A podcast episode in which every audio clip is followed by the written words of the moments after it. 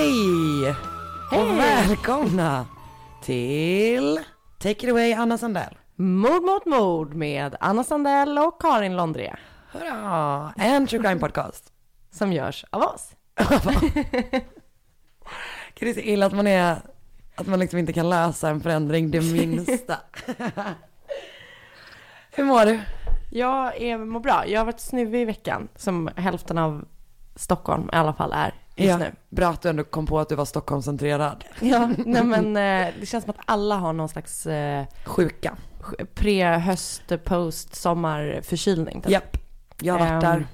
Du har varit i träsket. Jag har varit Många har varit i träsket.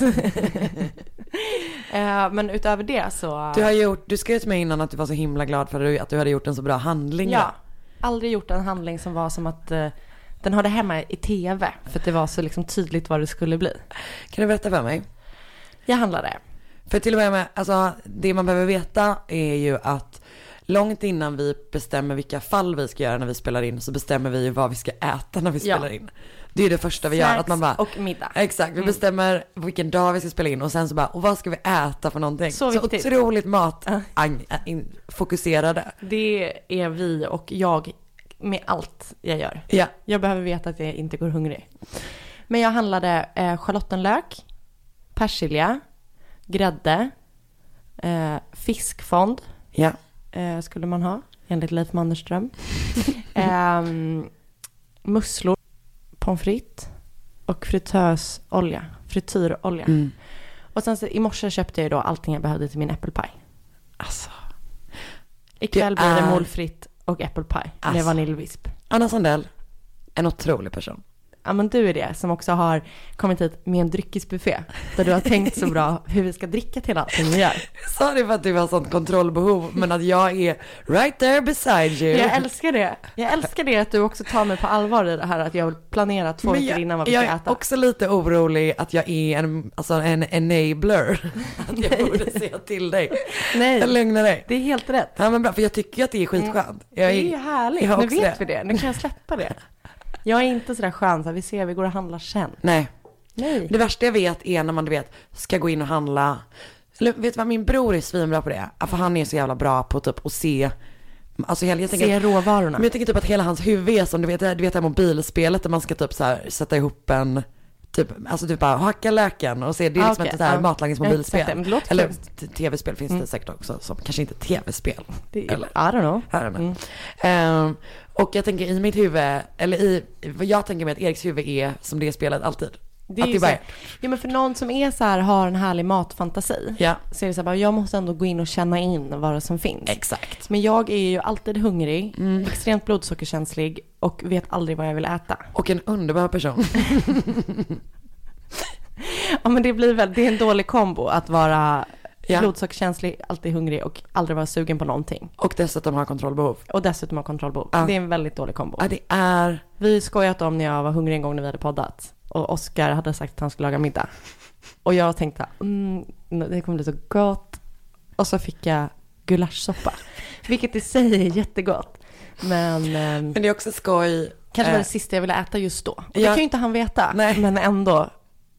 För du har ju lite grann den, ehm, du vet att du är lite grann som en sån Lukas Simonsson-sketch. Som, som bara är så här, jag är så hungrig. Och sen så bara, vad vill äta för något? Jag vet inte. Exakt så är jag. Jag vet. Och så tror jag att folk kan läsa mina tankar. Du är den enda som kan relatera till Lukas Simonssons sketcher. Bu. Men du har bättre hår än hans gobbar. Eh, ja, men så gulasch, eh, gulaschgate Verkligen. är ju något vi ofta Never återkommer till. Verkligen. Men och jag, jag, jag vill inte tala illa om gulasch. För jag gillar verkligen en god gulasch. Typ Det är kul att du har inga problem med att tala illa om din kille. Men just gulaschen vill du gärna.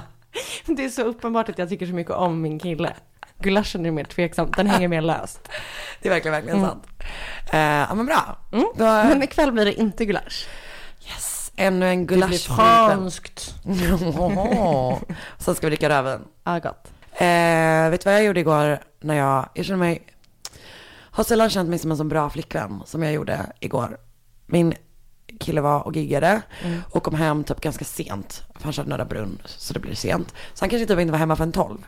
När han Då hade kom, jag sovit. jag vet, men jag var också ute ganska länge, var ganska full. Så jag gick hem, gick från en AV, var ganska full, hade inte ätit någonting. Sprang, rusade till Hemköp Sergels torg. Har de öppet så sent? Till 11. Ja. Det är min Ica också. Slängde ner en låda ostron. Gud vad härligt. Och typ massa andra goda grejer. Så när Marcus kom hem så hade vi liksom 12 ostron. Gud vilken lyx. Är jag inte? Du är en så bra flickvän. Tackar. Det är därför du ska flytta in hos mig och Oskar för att Nej, nej. han behöver en Men Oskar kommer inte bo här. Det är du och jag som kommer bo här. Just det, det är bra. Jag Oskar behöver någon som enablar mitt eh, tvångstanke. Det kommer vara så utmattande för mig när jag ska parera och stå bredvid och heja på ditt. ditt... Ja, du slipper. Nej, nej Anna. Nej. Det här är min lott i You're livet och jag älskar life. den. Ja. Hur mår du? Jag mår bra, jag är lite lite bakis för att sen drack jag allt rödvin i hela världen. Gud vad härligt. Eh, men annars är det superbra. Jag, är, jag känner mig stark. Eller, det var ju en lögn. Jag känner mig inte stark, men jag känner mig inte så svag i alla fall. Bra. Jag känner mig svag väldigt länge. Det är en jobbig känsla. Det är verkligen en jobbig känsla. Men nu tror jag, nu tror jag det vänder. Jag Jag, tror jag, jag tror typ att eh, du och eh, vissa andra, typ jag själv, har, men man har en svacka så här efter sommaren. För Ja. Man kommer från någonting som är så himla, himla härligt. Och sen så börjar man jobba och det blir som en batong Ja. i huvudet. Nej men nu är jag och Marcus bara typ såhär, fan ska inte vi bo ett halvår i Vietnam och jobba på en bar? Ja, Alltså du vet, det är där det vi hedrar är. er också att ni valde Vietnam före Thailand tycker jag. Ja men alltså, jag, jag vill, sen så, sen så tonade vi ner det lite grann och bara vi borde i alla fall åka två månader till Vietnam. Ja, Och typ äta all mat. jag var i Vietnam med eh, en av mina bästa kompisar Lovisa Mm. i nästan tre veckor, en jul. Supergod mat eller? Alltså, jag skojar inte när jag säger att varenda måltid vi åt, förutom frukosten, för de hade inte bra frukost. Nej. Eh, så sa vi så här, det här är så jävla gott. Det här är det godaste jag ätit i hela mitt liv. Ja. Och så drack vi så mycket öl, vilket jag älskar ju. Ja. Lovisa dricker typ inte ens öl. Och varenda dag efter stranden så drack vi kanske två eller tre öl var och åt ett helt rör Pringles. Så efter två veckor hade vi alltså Det är inte specifikt för Vietnam. Nej, nej, jag bara berätta apropå det här. Det är inte alls specifikt, det känns mer amerikanskt. Ja. Så var vi alltså så här, öl och chipsfeta efter två veckor. För att vi liksom börjat så här, bara ätit sånt. Men Det hade vi inte. Det var jättehärligt. Ja, Det var en fantastisk semester. ja, bra. Komma och hälsa på mig och Marcus på våran bar men- i Vietnam. Gärna. Mm. Men ni ska inte åka till, vi var i, för vi skulle, nu blir det här en liten backtrack med min resa, men jag ska också ge ett tips. För vi var på en ö som heter Phu Quoc. Ja. Och så var vi i Ho Chi Minh City. Som var båda de två fantastiska platser. Ja. Sen skulle vi åka till Indonesien. Men det här var, vi skulle alltså flyga samma dag som det här planet kraschade. Ah. Air Asia. Så vi ställde in det. Och det var översvämning i Indonesien dit vi skulle. Så vi bara, det låter inte som en bra idé att åka dit. Var kan vi åka över nyår i Vietnam som inte kostar en miljon per natt? Mm. Ingenstans visade det sig förutom till en stad som heter Muiné som var ehm, ett uh, mecka för ryska jetski, inte jetset, jetski-turister. Vänta, Och, jag, måste bara, jag, vet du, jag vet att du sa så här precis, men är du säker på att du inte menade jetset? Ja, De var där för att åka jetski. de, åkte, de gjorde sån här windsurfing och åkte jetski. Och alla skyltar, allting stod på ryska. Vietnamesiska och ryska, ingen engelska. Och de pratade ryska med oss hela tiden och det var så jävla konstig upplevelse. Fast det låter ju lite fett. Det var inte det. Ja, Men bara Åk för att det, det låter, Åk ja, jag lovar jag ska inte, men jag tycker bara, du vet att det bara är kul att gå in i något så jävla konstigt Ja ibland. men det var det. Och då tror jag att vi hade varandra. Det är typ som nu, vi var ju, ehm, och det var ju en härlig upplevelse i och för sig. Ja. Vi var i Madrid. Eh, min bror jobbar ju med e-sport, med Fnatic. Eh, och typ åker runt, när typ deras lag spelar någonstans så åker han med och gör events typ. Så nu hade han en pop-up bar i Madrid typ. Och vi var på League of Legends, alltså Europafinalen i League of Legends. Det är så konstigt. Det var liksom 13 000 pers där. Det är så sjukt. Som bara kollade på folk som spelade. Och det var så jävla fett. Fan vad coolt. Och typ att det var så här, jag och Marcus var ju liksom inte, jag hade ju lånat Eriks tröja. Så jag hade på mig typ en så här, en liten klänning och en Fnatic-tröja ovanpå. Men Erik bara, kan ni sätta upp den här flaggan? Jag bara, jag och Marcus började sätta upp den, jag bara, jag tror den är på fel håll. Så har ni satt upp den upp och ner typ, så jävla dåliga på att smälta in liksom. Men jag blev så jävla rörd. Mina favoritpersoner som var där var spelarnas föräldrar. Ja, jag såg det på din Instagram. Det var väldigt gulligt. Alltså det, för det var en snubbe som är så 18 För de är unga. Ja, för det är, alltså en snubbe är ju typ så 18 år gammal, han såg verkligen ut som ett barn. Jag ville verkligen adoptera honom. Mm. Caps. Han var, men han, så liten. Så, så liten. Såg lite grann ut som en väldigt ung school shooter. Nej, varför vill du adoptera honom? För att, men han var, nej okej, som en sån här, som, om det hade gått fel, Ja, du fattar. jag fattar. Ja. Jag fattar typen exakt. Okej, bra. Eh, och han, jag bara, jag vill adoptera honom, sa jag det till alla. Mm. Eftersom, ja, det var kanske inte konstigt, men det gjorde jag i alla fall. Eh, och de bara, eh, han har så jävla goda föräldrar. Han vill inte ha dig. Han vill har inte det. ha mig, han har, och så såg jag typ en, en äldre kvinna, alla är ju så här Mm. unga liksom, och så kommer jag se en äldre kvinna komma joggande genom arenan. Mm. Och jag bara, vem är det? Då är det typ hans mamma som verkligen vill hinna till toaletten innan han börjar spela. Så hon bara sprang. Så nu har jag kommit på att jag väldigt gärna vill se en realityserie som handlar om e-sportsföräldrar. Gulligt. Bra idé också. Eller hur? Mm. Tack. Eh, trademark av Karin Londré. Ja, så det kommer bli eh, den andra produktionen du och jag jobbar med. Ja, den första är den här podden, Men det skulle jag i. Londré Sandell Productions. Ja. Så är det produktion nummer två. Gud, klipp bort det här och så gör vi bara det. Ja, har vi något mer vi vill prata om?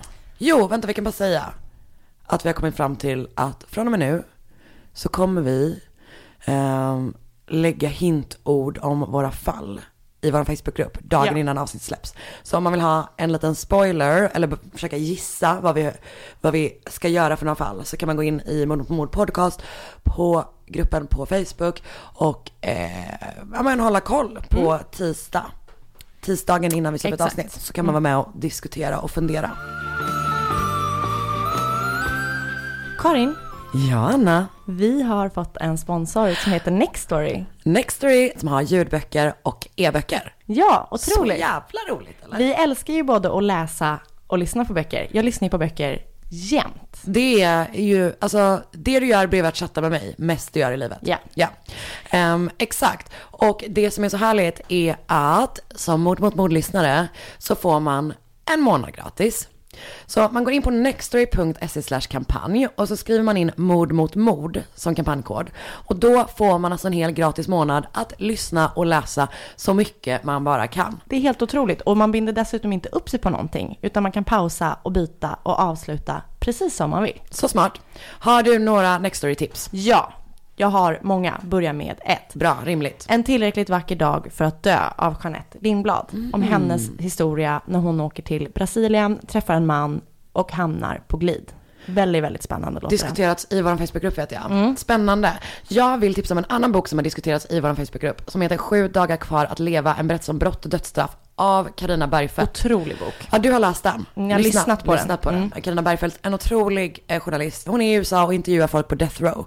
Det kom upp ett, vad som lät som ett otroligt obehagligt och spännande fall i vår Facebookgrupp från den boken. Så det ser jag fram emot. Så, om ni vill lyssna och läsa böcker och sen diskutera dem med oss i Facebookgruppen och samtidigt stötta oss, så gå in på nextory.se slash kampanj. Kampanjkoden är Mord mot mord. i ett, skriven in där så får ni en hel månad gratis. Fantastiskt. Så roligt det här, nu kör vi.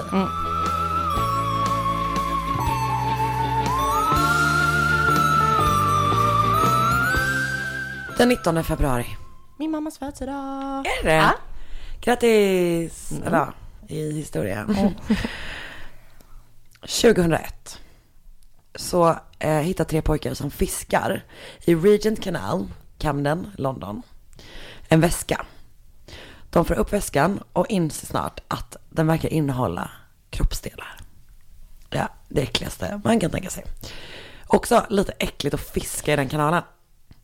Eller? Jag har ingen koll på kanalen, men jag Det är tycker... verkligen mitt i smeten. I London? I London. Jaha, jag- okej. jag mitt i Camden liksom. Jag lyssnade lite dåligt. Mm, det är helt okej. Jag kanske inte sa det. Gud, du har pratat i en minut.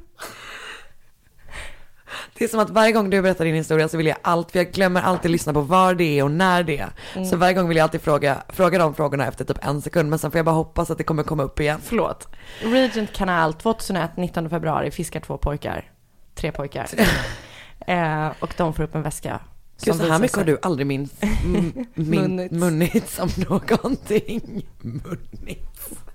Ehm, snart kommer polisen dit och de hittar fem väskor till. Till totalt så innehåller de här väskorna tio delar av en kvinnlig kropp. Några delar saknas. Huvudet, händerna och fötterna. Ah. Pekar du precis på ditt underliv? Gud, det är han, eh, han mördaren som du gjorde. Ah. Åh, nej, inte han som hade Nej. könsorgan i lådor. Nej. Nej, nej, det är inte han. Eh, och samtidigt som det här händer så funderar familjen Fields i Liverpool på varför de inte hört från sin dotter Paula på flera månader. Hej! Magnus här på Färskvaruhallen i Hässleholm. I vårt butiksbageri bakar vi allt från grunden. Rediga råvaror och absolut ingen bake-off. Bröd, frallor, bullar, kondiskakor, tårtor, bakelser i olika form och färg. Och hör du, har du inte besökt Färskvaruhallens bageri så gör det nu. Vi har öppet från sju. Aj, aj, aj, det kluckar i rören. Men det är väl inget att bry sig om? Jo, då är det dags för de gröna bilarna. Spolarna behöver göra sitt jobb. Spolarna är lösningen. Ah, hör du? Nej, just det. Det har slutat. Med Hedvigs hemförsäkring är du skyddad från golv till tak oavsett om det gäller större skador eller mindre olyckor.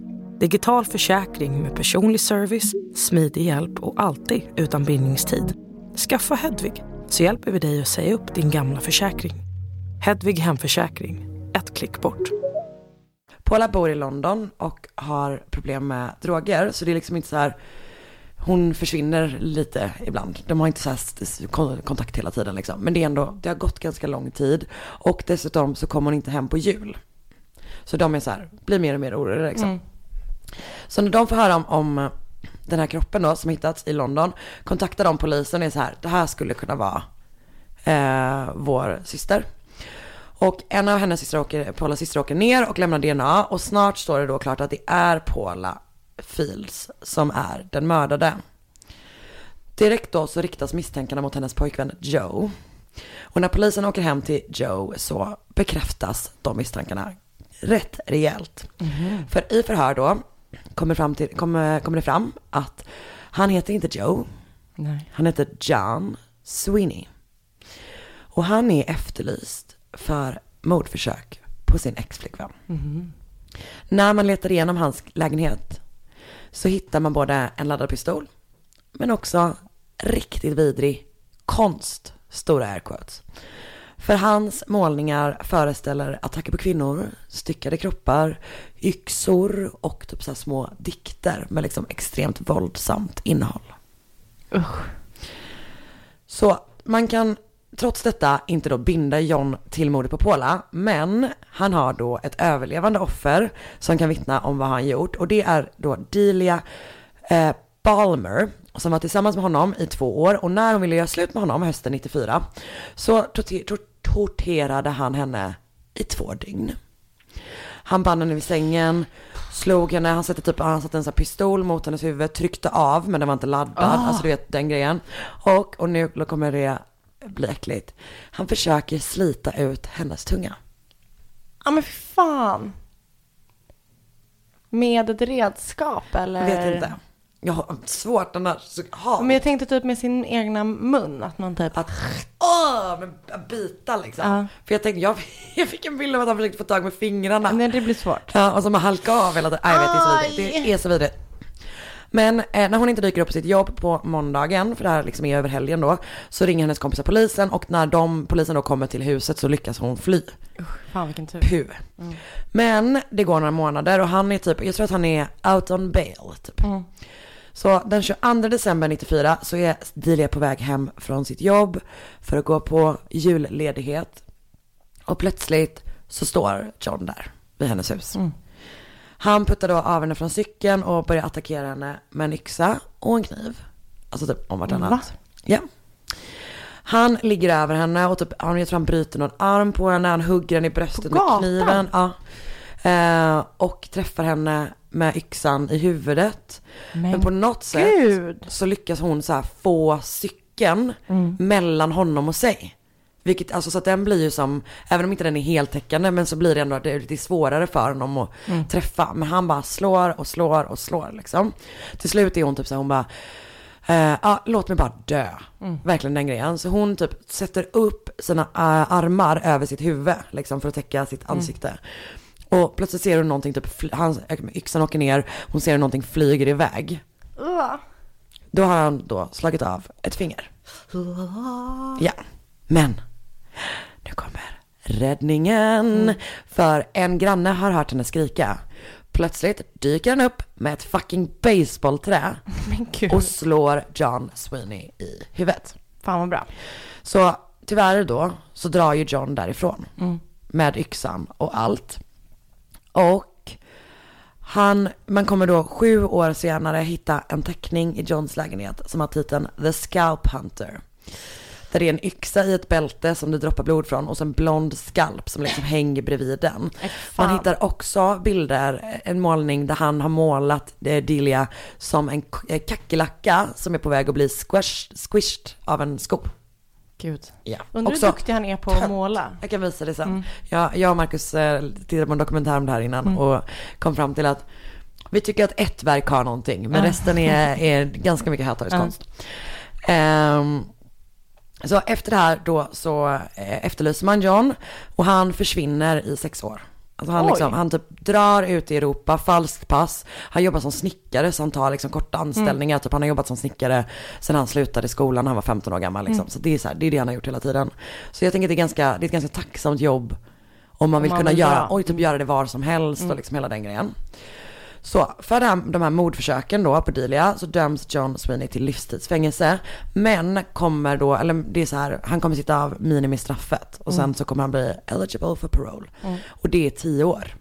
Oj. Så det är väldigt lite tid. Det innebär att han i april 2011 antagligen kommer vara en fri man igen och de är så här, polisen bara den här jäveln har mördat folk, vi kan bara inte kunnat bevisa det än och han kommer göra det igen. Han har också, du vet, en, han har typ en exfru som har vittnat om han är våldsam. Han typ dyker upp ibland, de har liksom verkligen så flytt mitt i natten, du vet. Eh, någon gång kom polisen hem till dem, då stod han typ med en yxa i en, för att hon ringde polisen. Men Stod han med en gud. yxa i en garderob. Och typ när polisen kom, Karin! jag vet yxa också det värsta, ditt värsta, förlåt. Ja. Och när, men det här är ganska roligt, för när polisen bara, vad håller du på med? Han bara, jag tänkte bara överraska henne. Åh, tack. Blommor är också bra. Ehm, ja, så man är så här, okej vi måste fan få stopp på den här jäveln liksom. Eh, de måste få så här, lyckas binda honom till mordet på Paula. Och i förhör så, Men hon hittades 2001. hon hittades 2001. Delia eh, blev attackerad 20, eh, 94. Ja. Så han har varit on the run och inte i Europa. På Fram tills han 6-7. träffade Paula. Men när skulle, så åkte han fast då för, för Delia När- i tio år. Nu fattar Exakt, jag. alltså nu, där, han är, eh, 2011 är då när man tror att han kan, han kan komma ut. 2001 döms han. Eh, och det är också då eh, Paula hittas. Jag är med. Bra. Eh, ja, i förhör så berättar Delia att under attacken, alltså jag minns, jag vet inte om det är den senare eller den första huset, jag tror den första. Eh, så har John då berättat för henne att han har dödat sitt ex, en amerikanska vid namn Melissa. Alltså han typ bara stannar upp och bara Don't you wonder what happened to my eh, ex-girlfriend Melissa typ. Han berättar då att han har mördat henne, styckat henne och dumpat hennes kropp i en kanal i Holland. Så vi kan prata lite grann om exet Melissa och vad som hände med henne. För Melissa Halstead var då en modell från Ohio. Alltså hon har sånt perfekt 80-talsmodellsutseende. Gud vad härligt. Alltså, hon ser otrolig ut. På verkligen, alltså hon ser ut som, menar, exakt bilden, sinnebilden av 80-talet, så ser hon ut. Eh, hon var från Ohio och hade typ jobbat i New York först, var ganska så framgångsrik modell. Men eh, sen har hon bott i Paris och nu bodde hon då i London. Eh, och du vet så här, det gick bra, hon bodde i Chelsea och hade något fint hus. Och, eh, hon jobbade som fotograf också, typ att hon hade börjat gå över i det liksom. Och hon och John Sweeney började dejta i mitten av 80-talet. Är han snygg eller? Nej. Nej. Alltså det är riktigt, ja. Mm. De träffas genom någon bekant typ. Det de har gemensamt är att de gillar alkohol och kokain väldigt mycket. Ja, ja. Så det är ju... Det verkar ju räcka ganska långt för vissa. Exakt, verkligen. Det är ju det din och min vänskap bygger på Exakt. till exempel. Ehm, Nej, alltså jag antar typ att han är liksom psykopatcharmig. Ja. Ted Bundy, Mm. nu tycker ju folk att Ted Bundy är snygg i och för sig, det Mm. gör ju inte jag. Men, men alltså att han var liksom charmig på det sättet antar jag. För att han har ju ganska mycket, han har många kvinnor liksom. Mm. Många relationer. Ehm, han är då, de flyttar ihop, de träffas i mitten på 80-talet, flyttar ihop 86. Och ehm, 87 så döms han för att ha misshandlat henne två gånger. Men trots det så fortsätter de vara ihop. Ehm, och hennes visum går ut 88. Alltså hon får inte vara kvar i England längre. Så då flyttar de till Wien ihop. Och där kommer liksom hans misshandel eskalera. Mm. Tills han en kväll attackerar henne med en hammare. Men fan. Japp. Och han hamnar typ, eller om han häktas eller om han hamnar i fängelse, eller du vet, om han, jag tror inte han hinner dömas, men det är någon sån grej.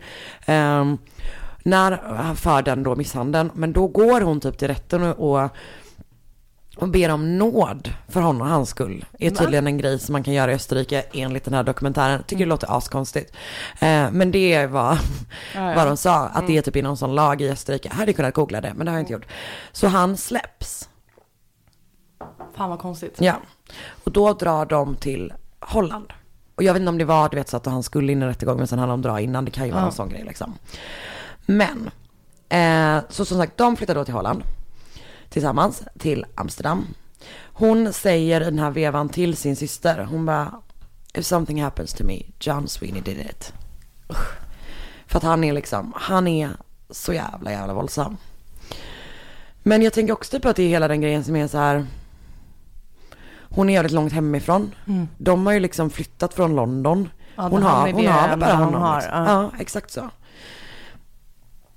Så, eh, 89 hamnar de i Amsterdam. De reser runt lite grann innan. 89 är de i Amsterdam. Och ehm, i november det året så ringer Melissa sin mamma för att önska henne grattis på födelsedagen, vilket hon gör varje år. Mm. Det är typ bara så här, det är då de vet att hon har av sig. Mm.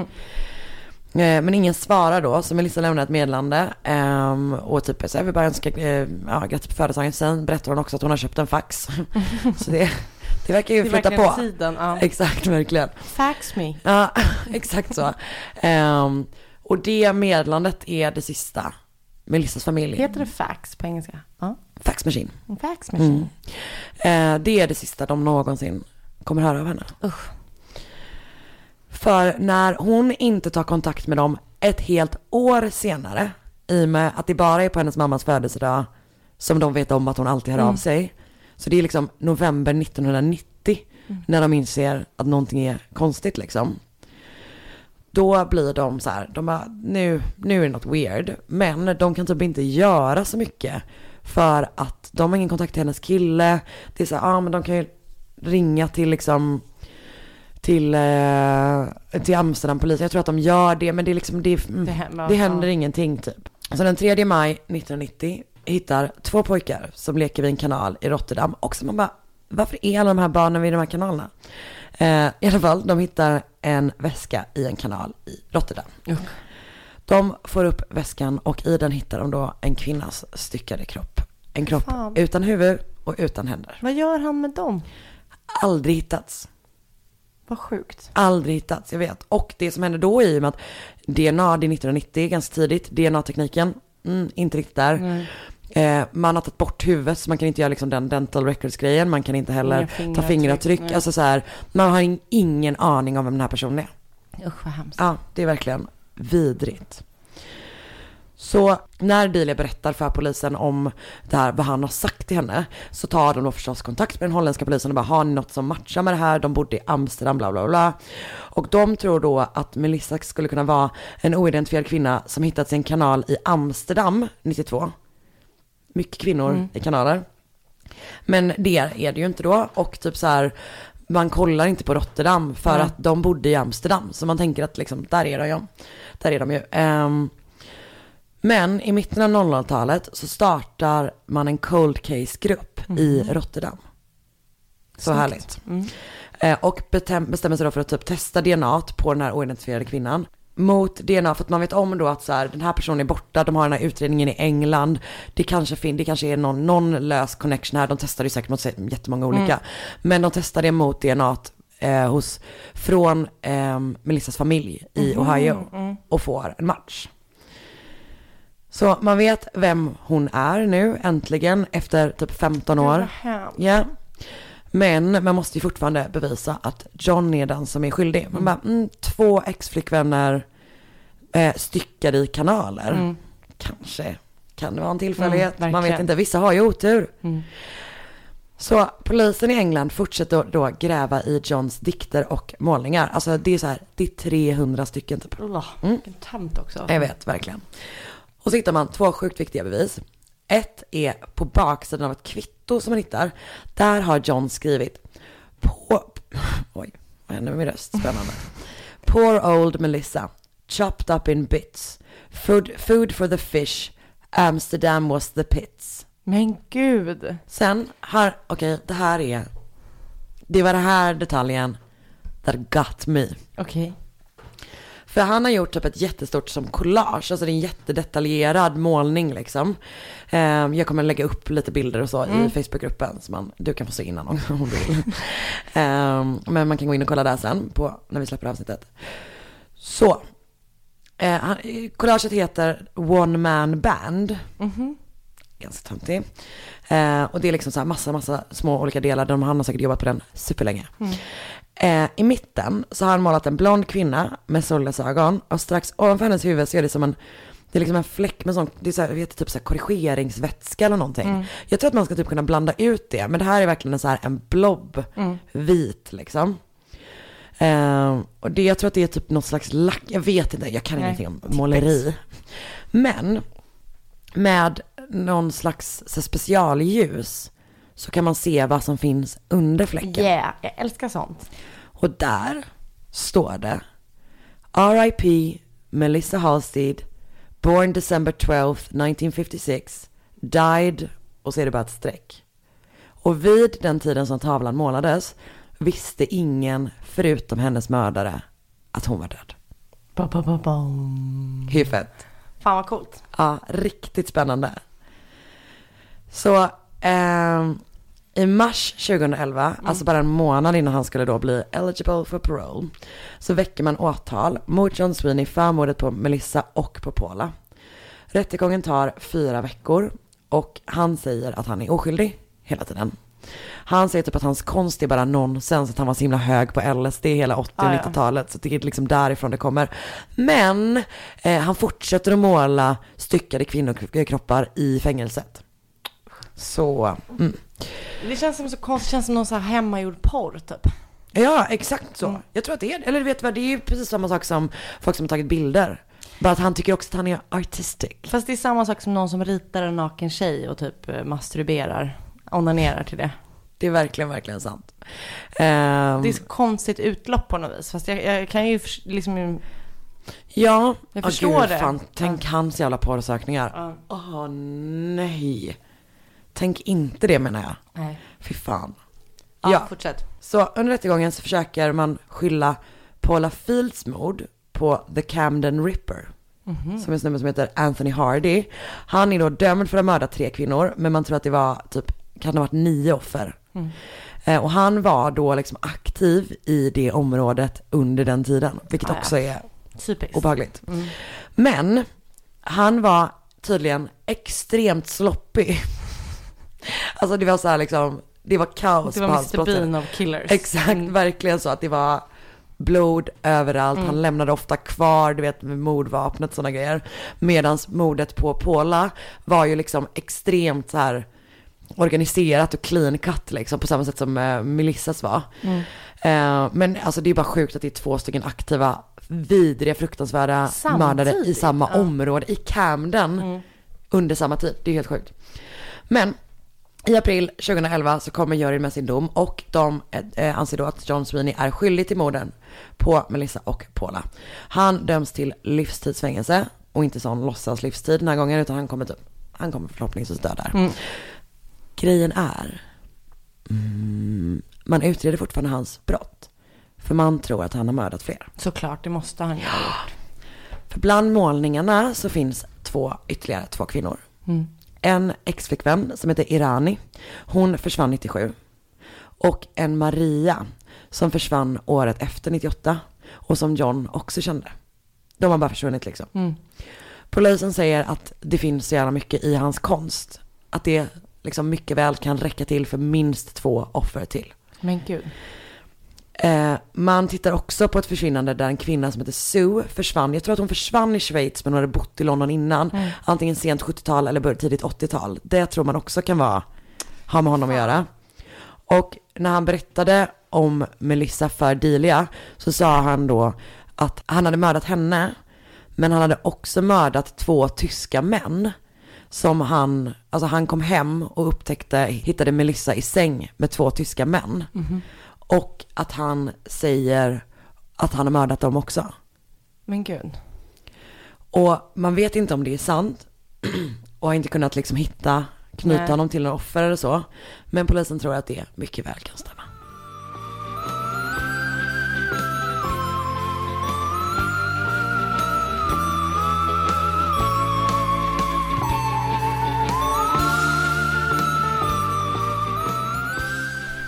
Nu har det blivit dags för eh, en av mina stora skräcksaker eh, eh, när jag var liten. Att ens pappa gifter om sig och kvinnan i fråga visar sig vara stepmother from hell. Ah!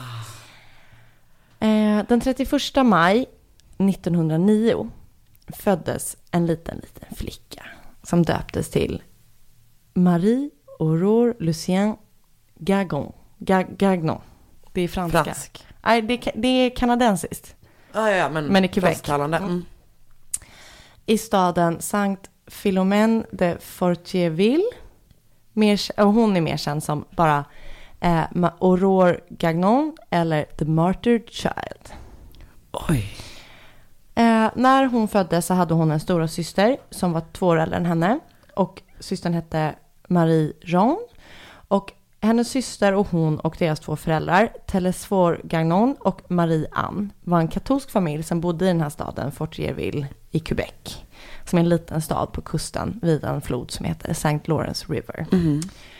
Och efter att de fått Aurore så kom tre syskon till inom en ganska kort tid. Och de hette Lucina, George och Joseph. Eh, och ganska snart efter att Aurores minsta syskon hade fötts, eh, som hette Josef, eller Josef, eh, 1916 så fick mamman, Marie Ann, tuberkulos, så hon lades in på sjukhus. Och när mamman låg på sjukhus så dök en ny kvinna upp och höll sig framme runt pappan. Kvinnan hette också Marie Ann, Marianne. Nu när jag, tänker så de heter, de heter Marianne båda två. Marianne. Jag tror inte att det nödvändigtvis är, det är Marianne. Ja, ja, ja. Jag tar allt tillbaka. Marianne. Marianne. Båda heter Marianne. Så hon var alltså namnet med mamman. Så jag kommer kalla den nya Marianne för styvmamman Ja. framöver. För jag tycker det blir lite spännande. Just det.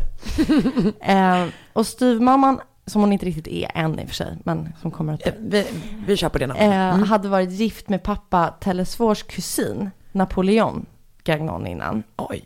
Men han hade dött, alltså kusinen. Eh, och innan han dog så hade styvmamman och Napoleon fått sex barn tillsammans.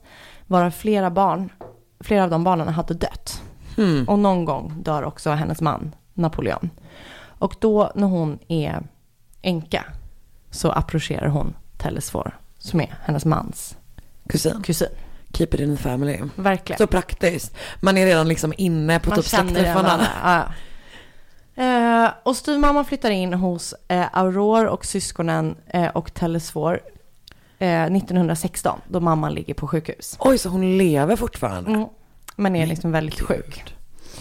Ehm, och 1916 så dör det yngsta av Gagnonbarnen, Josef. Josef. Han hittades död i sin säng. Och enligt rättsläkaren, eh, sa, eh, så, rättsläkaren sa att det var en naturlig död, att pojken hade dött i sin säng. Mm. Eh, men det skulle senare visa sig att ehm, han hade blivit kvävd av en sån halv madrass som man hade förr i tiden. Ett år senare, eh, 1917, så dog Marianne, alltså mamma Marianne, i sviterna av sin tuberkulos. Ehm, och efter att båda de här stackars Gagnon familjemedlemmarna hade dött så gifter sig pappan med styvmamman. Och hon liksom är där för att ta hand om huset och familjen och de små barnen.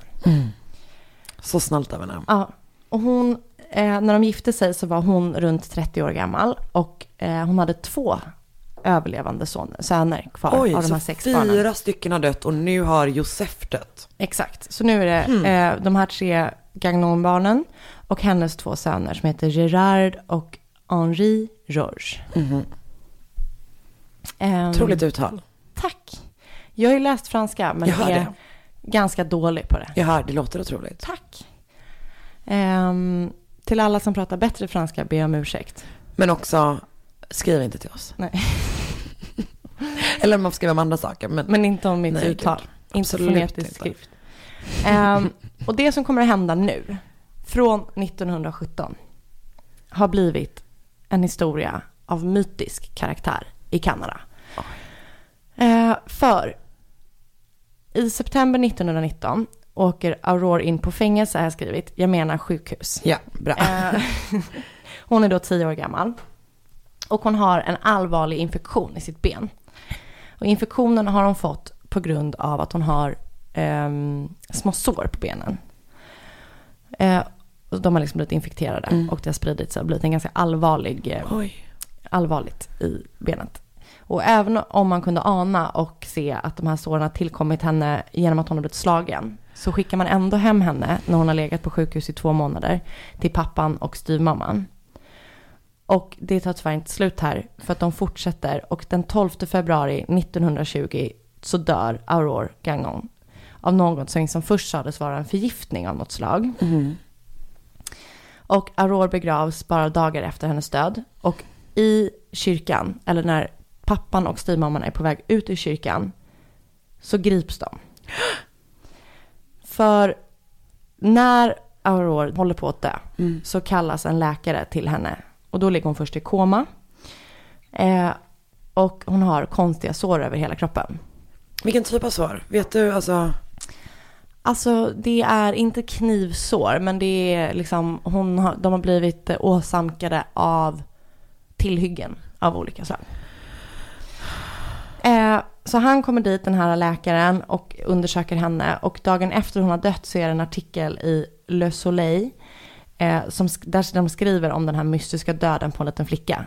Så att på grund av de här två grejerna så eh, obduceras hon. Och ska genomgå en undersökning liksom post mortem. Vilket jag tror inte var så vanligt typ 1920. Så eh, obduktionen genomförs dagen efter att hon har dött av en eh, Dr. Albert Marot. Marois. Eh, som var forensic specialist på, eh, från Quebec som har kommit dit. Och obducenten rapporterade upp till 54 sår på kroppen. Vilket enbart kunde ha varit resultat av eh, misshandel mot barnets Hon är kropp. som nu torterad. Och innan eh, Aurore hade dött så hade både Telesfor och styvmamman pratat med grannar och folk som de kände om hur Aurore aldrig lyssnade på vad de sa, att hon var mot, liksom misskötte sig, att hon käftade emot och att de ibland var tvungna att slå till henne för att blodet skulle rinna ordentligt för att straighten her out, vad det nu betyder. Okej. Eh, vilket fick grannar liksom också att misstänka att så här, det här har inte bara hänt. Liksom barn, även om det kanske var fattigare tider och sådär, men hon, man dör typ inte på det där sättet. Nej. Eh, och obducenten visade senare på att det var liksom inte vilken förgiftning som helst jag skrivit. Men hon har alltså fått en blodförgiftning som var en följd till alla de här små såren som hade blivit förgiftade eller infekterade på hennes kropp. Så hon har liksom fått en superinfektion Infektion. i I hela, hela kroppen. jävla kroppen. Mm. Man kan ju få en blodförgiftning som är farlig för att man biter på sina nagelband. Det har min kompis fått nämligen. Åh nej. Så du har inte det. Något fel är det på de här jävla naglarna i alla fall. Nej, men tänk dig då liksom att man, om man kan liksom få det bara på så lite så har hon fått det i de här smutsiga, får man ändå tänka liksom tiderna. Då bodde på typ en bondgård eh, liksom och sådär. Få panne. Mm. För Aurore hade blivit upprepat misshandlad av sin styvmamma och i lite mindre utsträckning sin pappa. Fint. För pappan liksom, han menade typ att han utnyttjade bara sin fatherly right att typ uppfostra sitt barn. Mm. Men styvmamman hade misshandlat henne från första stunden hon kom in i Aurores liv.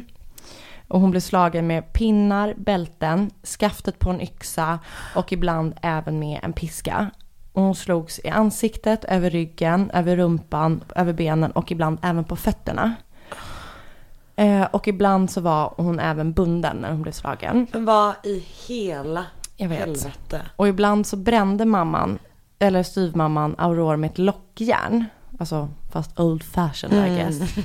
Ehm, och hon tvingades att äta både vidriga och farliga saker. Och vid minst ett tillfälle så tvingades hon att eh, äta avföring. Ehm, så hon har Hon var verkligen... tio år gammal. Tio år.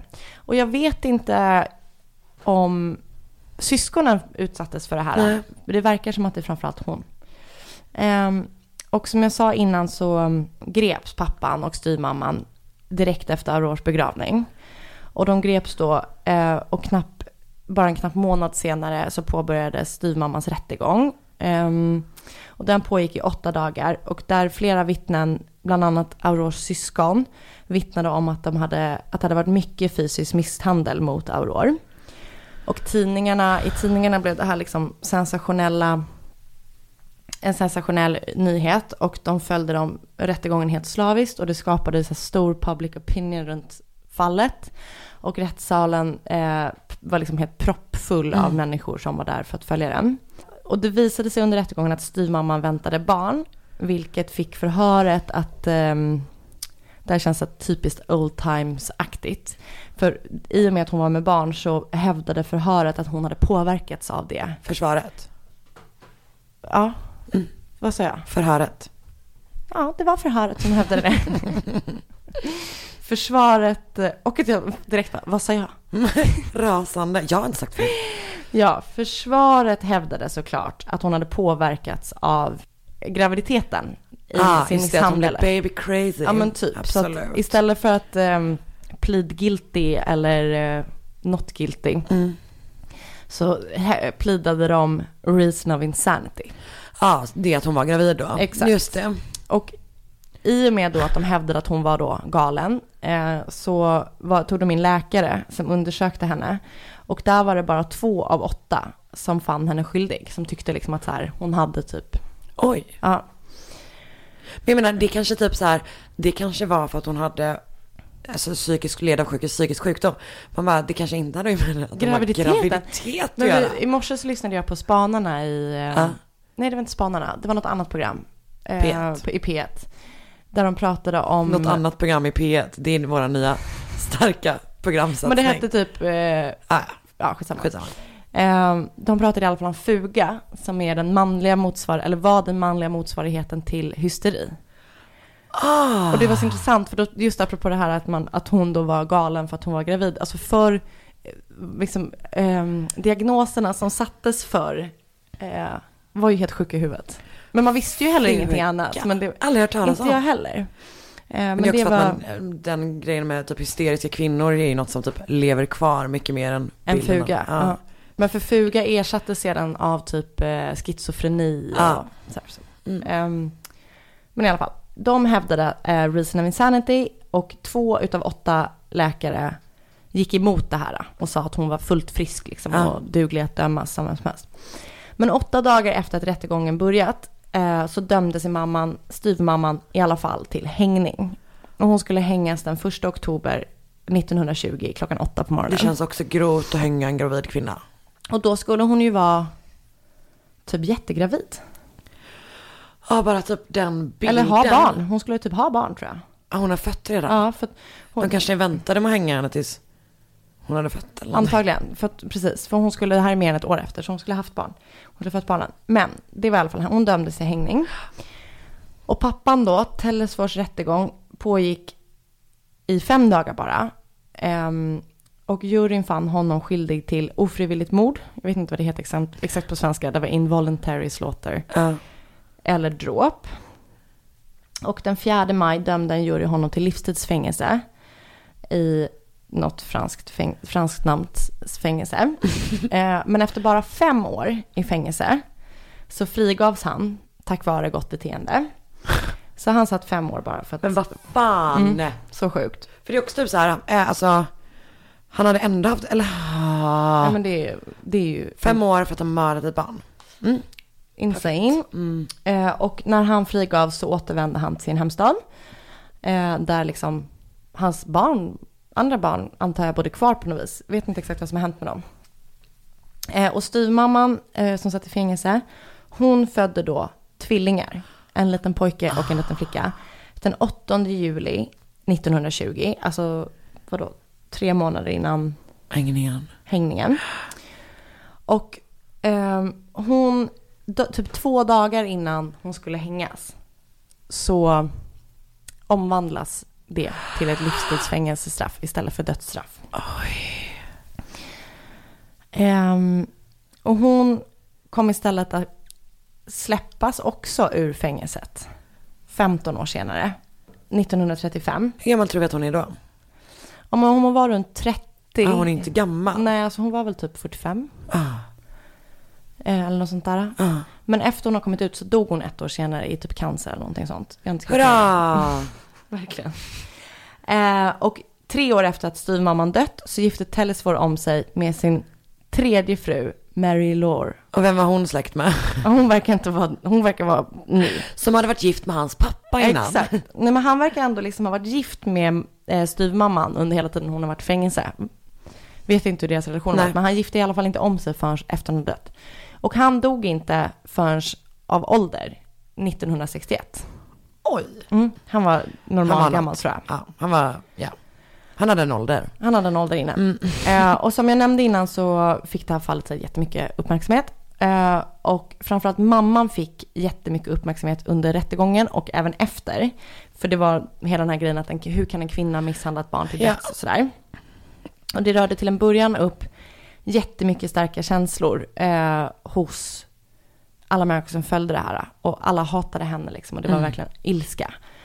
Eh, Men när hon sedan födde tvillingarna inne i finkan så lindrades hatet mot henne och det omvandlades istället för ett, liksom något slags eh, medlidande. Mm. Så hur kan en mamma sitta i det. fängelse? Och det var väl det som liksom Det är så påverkade sån, hennes straffomvandling. Exakt, det är så intressant med sån public opinion och hur det Ja. kan... Påverkar så mycket. Ah, Det var liksom det fallet. Om det här. Du bara, och nu förfall nummer två. Nej, det var, det var, det var ganska kort. Men det här är ju, eh, för det finns, Alltså. det finns typ inte så mycket mer information om egentligen, för att det här är så gammalt. Ja. Så finns det, det finns Jag massa tycker det filer. är supermycket information. Jo men det finns massa, jag hittade en jättebra sida där de hade massa så här, eh, alla obduktionsgrejer, alla domar och allting på franska. Aha. Och jag har faktiskt inte haft tid att typ ta mig igenom det för på Google Translate och sådär. Men det finns en sån sida om någon är fransktalande. Så kan de gärna översätta oss och översätta till oss. Det har också gjorts filmer och Ah. sånt där. Alltså jag började titta på en film, men den var liksom slow. Men vi, jag kommer också, vi lägger upp den i Facebookgruppen. Exakt. Men hon, det här är då eh, The Martyred Child, är en liksom very big thing i Kanada. Okej. Så fortfarande är hon jättekänd. Fast hon dog för Man, hundra år sedan. man undrar ju verkligen hur det var för de syskonen. Ja, och om de var helt liksom besparade, att hon var utvald på något vis. För så Ah. verkar det ju som att det kan vara ibland. Att man Men det är lite grann som den, vad heter det, Sylvia Likens va? Hon som, det är ett vidrigt jävla fall. Som är typ att en, två, två flickor flyttar in hos en fostermamma Ja, och ja, hennes ja. barn. Och Mm. de misshandlar henne på ett Mm. sätt som är det grövsta jag någonsin hört. Ja, det är, helt... Det är ju också bara hon liksom. Mm. Eh, väldigt hemskt och det är ju hemskt att föräldrar kan göra så här mot barn.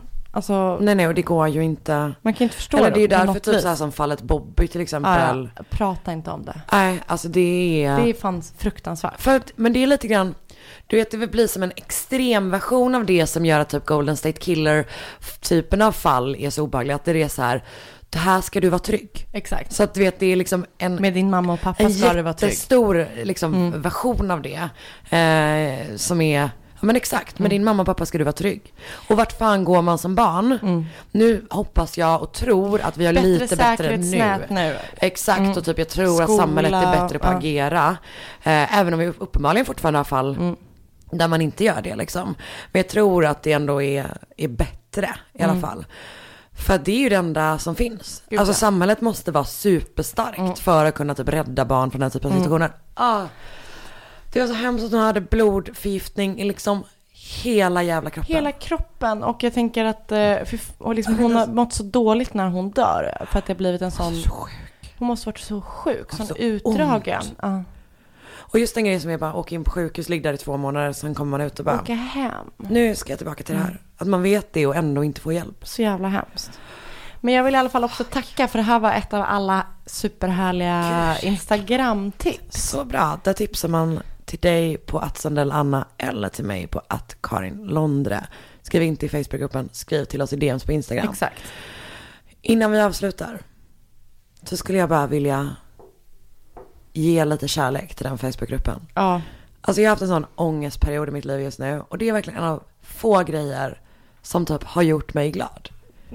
Alltså Det är härligt. Alltså typ att det är så här, det var någon person som bara, ja det senaste avsnittet av Casefile, typ de varnar för att Ja. det är djurplågeri, typ kan någon berätta hur illa det var. Då var det någon som bara, det är den här minuten, då kan du spola förbi si och så länge. det var väldigt gulligt. Och sen också, vi har en lyssnare som heter Joanna, ehm, som var eh, vän med en person som heter Magnus som Ja, blev men mördad. gud, usch, det var ju fruktansvärt. Ja, eh, och eh, jag skrev faktiskt med henne för att jag tyckte att det är så här, eller det kändes typ bra att vi har typ en grupp där hon kände att hon kunde dela med sig av det och typ fick stöd. Mm, det är ju fantastiskt. För han blev mördad ganska nyligen. Eh, ett fruktansvärt fall. Mm. Eh, som man kan gå in och hitta en länk till i gruppen. Och läsa mer om. För att det var Otroligt jättesorgligt. hemskt. Så att, Ja. eh, det vill vi också säga. Att vi beklagar sorgen. Och vi är glada att vi har en grupp där man känner att man kan få stöd i sådana lägen. För så ska det vara. Verkligen. Så tack alla ni som är så himla himla fina och goa där. Mm. Vi tycker jättemycket om er. Och Verkligen. jag är inte en Slytherin. tar vi upp det igen. Jag vill bara lämna på the note att jag har fått bekräftat att jag inte är en Slytherin. Uppenbarligen är dock mitt podd, min poddpersona en Slytherin. Men jag blev också, jag blev väldigt förvånad när folk kallade dig för det. Tack. Faktiskt. Tack. Mm, Men som sagt, jag är snygg i backslick. Det är du. Ehm, tack snälla för att ni lyssnar. Vi tycker jättemycket om er. Vi hörs snart igen. Det gör vi. Puss puss, hej. Hej. Aj, aj, aj, det kluckar i rören. Men det är väl inget att bry sig om? Jo, då är det dags för de gröna bilarna. Spolarna behöver göra sitt jobb. Spolarna är lösningen. Ah, hör du? Nej, just det. Det har slutat.